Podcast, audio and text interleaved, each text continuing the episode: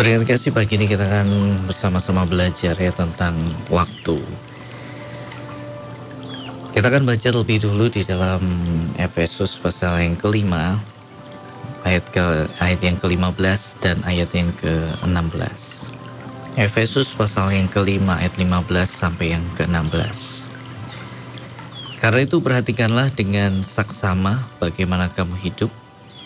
Janganlah seperti orang bebal, tetapi seperti orang arif. Dan pergunakanlah waktu yang ada karena hari-hari ini adalah jahat. Berarti kasih, kita perlu memperhatikan dengan seksama bagaimana kita hidup supaya kita bisa mempergunakan waktu yang ada, kita harus bisa lebih dulu melihat dengan jelas ya kehidupan ini. Kasih eh, kita harus bisa memperhatikan, ya, melihat dengan seksama. Seksama ini adalah akurat, ya.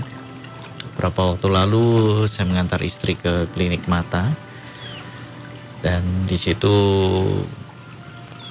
ya istri saya diperiksa matanya kasih ya jadi di klinik itu ya, istri saya diberikan kacamata yang bisa diganti-ganti lensanya dan di depannya ada monitor ya layar LCD yang jaraknya berapa meter. Ya kemudian ditunjukkan huruf-huruf ya angka-angka angka-angka ya lebih tepatnya. Mulai dari yang besar ya kalau tulisannya besar pasti kelihatan ya. Kemudian huruf-huruf itu semakin diperkecil ya. Kalau sudah berhasil membaca huruf-huruf itu diganti dengan yang lebih kecil. Nah kalau masih bisa baca diganti dengan yang lebih kecil lagi ya. diganti yang lebih kecil sampai dengan yang paling kecil. Jadi beberapa kali diuji ya ditanya. Berapa kali istri saya juga gagal waktu melihat tulisan-tulisan yang lebih kecil dan setiap kali gagal melihat tulisan melihat huruf itu ya membacanya salah maka lensanya akan diganti. Dan sampai dicapai hasil yang benar-benar jelas ya.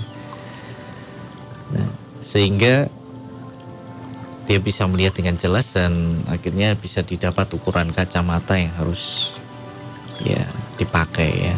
Ukuran lensa yang harus dipakai kanan dan kirinya nah seperti itu mendengar sih melihat ya dengan seksama melihat dengan teliti jadi waktu dites itu kan ada angka 8 kadang dibaca 0 ya kan. nah jadi ada kesalahan dalam membaca ya karena memang penglihatannya butuh bantuan lensa untuk bisa melihat. Ya. Dalam hidup ini kita perlu memperhatikan dengan seksama, kasih. Kita pertama harus bisa melihat hidup ini dengan jelas. Apa kehidupan ini, kasih? Kita harus bisa lihat dengan jelas supaya kita tahu bagaimana kita harus hidup, ya. Bukan seperti orang bebal, tetapi seperti orang arif. Kalau sudah bisa melihat hidup dengan jelas, kita jadi tahu apa yang harus dilakukan. Ya. Banyak orang kabur ya menjalani hidup ini. Ya. Tapi ketika kita bisa melihat dengan jelas, itu yang pertama, kita bisa jalani hidup ini dengan baik. Dan di ayat yang ke-16 dan pergunakanlah waktu yang ada karena hari-hari ini adalah jahat. Kata pergunakanlah di sini berarti kasih ya bisa berarti kita ini memakai waktu ini dengan sebaik-baiknya ya pergunakanlah bisa berarti menebus ya. pergunakanlah juga bisa berarti mempergunakan dengan baik atau memerah keuntungan sebanyak-banyaknya ya. pergunakanlah waktu yang ada. Jadi bagaimana kita menjalani hidup ini berarti kasih waktu ya. Kita semua diberikan waktu. Kita semua dipercayakan waktu. Waktu yang Tuhan percayakan ini akan kita pertanggungjawabkan pada waktu pada akhirnya nanti. Nah, apa yang bisa kita ambil sebanyak-banyaknya dari waktu ini kasih? Ya. Memerah keuntungan sebanyak-banyaknya dari waktu. Itu artinya kita mempergunakan waktu. Ya. Ilustrasinya sama seperti memerah susu sapi ya kasih nah sapi yang dikhususkan untuk menjadi sapi perah nah mereka bisa hidup hingga usia 20 tahun ya mereka bisa hidup sampai usia 20 tahun tapi sapi yang dibesarkan untuk diperah jarang sekali dipertahankan sampai usia 20. Nah, karena ketika sapi perah sudah tidak produktif, sapi perah ini akan disembelih. Sapi perah itu punya kapasitas menghasilkan susu setiap harinya. Ya. Bisa diperah kasih. Dan jumlahnya bisa maksimal. Nah, atau tidak tergantung dari orang yang memerah susu sapi itu. Ya. Kalau diperahnya sebentar saja ya hasilnya sedikit. Tapi kalau diperah sampai maksimal hasilnya akan luar biasa. Ya. Nah, jadi sapi perah ini dikhususkan untuk menghasilkan susu sapi. Dan kalau sudah tidak produktif, sapi perah ini akan disembelih. Nah, kalau di India dan di Nepal ya ada masyarakat yang memuja sapi ya, penganut agama tertentu yang memuja sapi. Jadi sapi yang sudah tidak produktif menghasilkan susu mereka tidak akan disembelih karena dianggap sebagai sebuah dosa. Jadi sapi-sapi ini yang sudah tidak produktif akan dibiarkan ya berkeliaran di jalanan kota dan dibiarkan begitu saja. Karena mereka akan meninggal karena sakit, mereka akan meninggal karena usia lanjut. Ya. Jadi tidak disembelih. Bahkan berba, eh, ada beberapa organisasi yang membangun rumah singgah khusus sapi yang disebut Gosala untuk tempat peristirahatan terakhir. Nah, kasih jadi itulah sapi ya. Ya, sapi perah yang menghasilkan susu. Dan di daerah sekitar sini ada ya, kasih di kawasan Nongko Jajar ada banyak ya. Karena ada sebuah koperasi yang menghasilkan 90 sampai 100 ribu liter nah, dari kurang lebih 7 ribu sapi perah yang dibudidayakan. Jadi sapi perah setiap ekornya bisa menghasilkan 12 liter susu setiap hari. Ya, 12 liter. Nah, jadi kalau ini diambil semuanya bisa menghasilkan 12 liter. Ya. Tapi kalau yang memerah ini malas berintegrasi, ya memerah sebentar sudah berhenti ya dapatnya ya sedikit. Ya kan? Itu gambarannya waktu seperti itu kasih. Apa yang bisa kita perah ya? Apa yang bisa kita ambil sebanyak-banyaknya dari waktu itu? Mau satu liter ya ibaratnya dengan susu tadi mau satu liter, dua liter, lima liter, 8 liter atau 12 liter tergantung dari orang yang memerahnya. Ya mau bekerja lebih keras ya ataukah tidak bernegasi.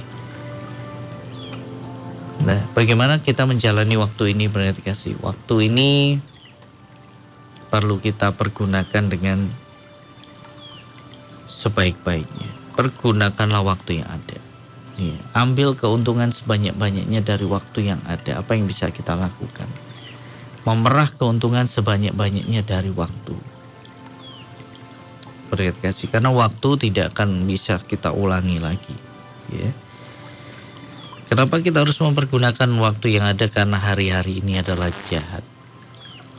Jadi kita harus mempergunakan waktu yang ada. Verifikasi. Waktu itu seperti anak panah yang dilepaskan. Sekali dilepaskan dia akan melesat dan dia tidak akan pernah kembali lagi. Nah, seperti itulah waktu yang sudah berjalan bernegasi. Dia akan start dari awal dan sampai di tempat di mana dia ya berakhir. Sekali dilesatkan dan dia tidak akan pernah kembali lagi. Itulah waktu dan setiap manusia diberikan waktu yang sama tergantung setiap orang memakai waktu yang dipercayakan.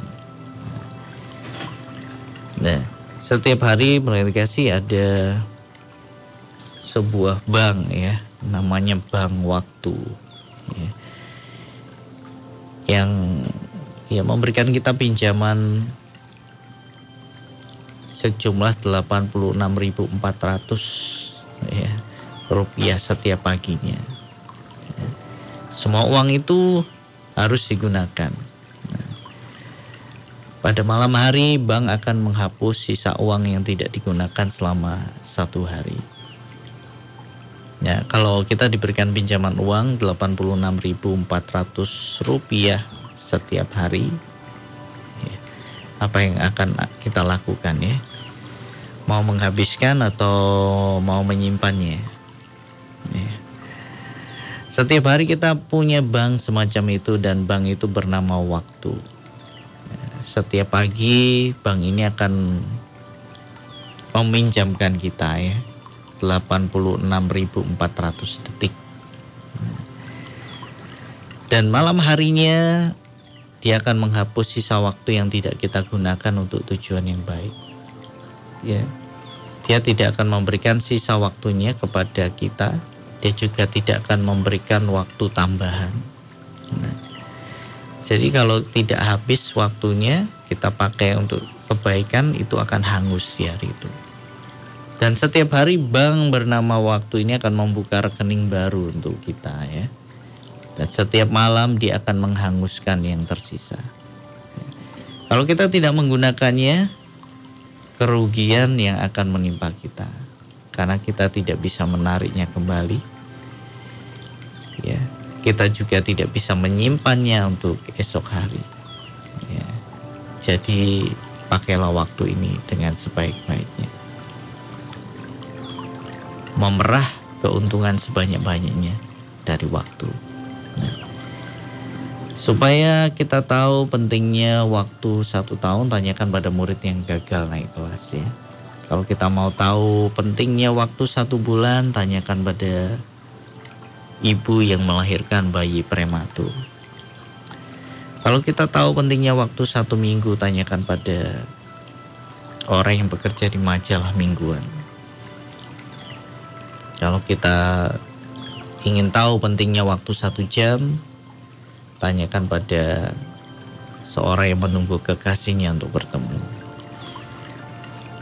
Kalau kita ingin tahu pentingnya waktu satu menit, tanyakan pada orang yang ketinggalan pesawat nih. Kalau kita ingin tahu pentingnya waktu sedetik, tanyakan pada orang yang baru saja terhindar dari kecelakaan. Kalau kita ingin tahu pentingnya waktu satu milidetik, tanyakan pada peraih medali Olimpiade. Ya, tanyakan pada peraih medali perak Olimpiade. Nah, itu ilustrasi tentang waktu sih jadi semua orang diberikan waktu yang sama ya tetapi setiap orang mendapat keuntungan yang berbeda-beda tergantung dari bagaimana mereka memerah keuntungan dari waktu itu ya jadi mari kita renungkan bersama kasih hari ini sudahkah kita mempergunakan waktu yang ada karena hari-hari ini adalah jahat. Di ayat yang ke-17, sebab itu janganlah kamu bodoh, tetapi usahakanlah supaya kamu mengerti kehendak Tuhan. Dan di ayat yang ke-18, dan janganlah kamu mabuk oleh anggur, karena anggur menimbulkan hawa nafsu, tetapi hendaklah kamu penuh dengan roh. Jadi kita perlu memakai waktu ini. Kalau kita mengambil keuntungan sebanyak-banyaknya dari waktu, berarti kita adalah orang yang bijaksana berarti kasih. Kita tidak sedang hidup sebagai orang yang bodoh ataupun orang yang bebal. Ya, kita mengerti apa yang harus kita lakukan dengan waktu yang dipercayakan pada kita. Ya, setiap hari ada 86.400 detik. Ya. Jumlahnya banyak sekali ya. 86.400 detik. Ya. Mari kita pergunakan dengan sebaik-baiknya. Semaksimal mungkin ya. Jangan sampai dibiarkan uh, berlalu begitu saja dan hangus. Ya, banyak orang menjalani hidup ini hanya untuk melewati hari demi hari. Ya, menyia-nyiakan waktu yang ada. Tapi kita mau memakai waktu ini untuk kemuliaan nama Tuhan.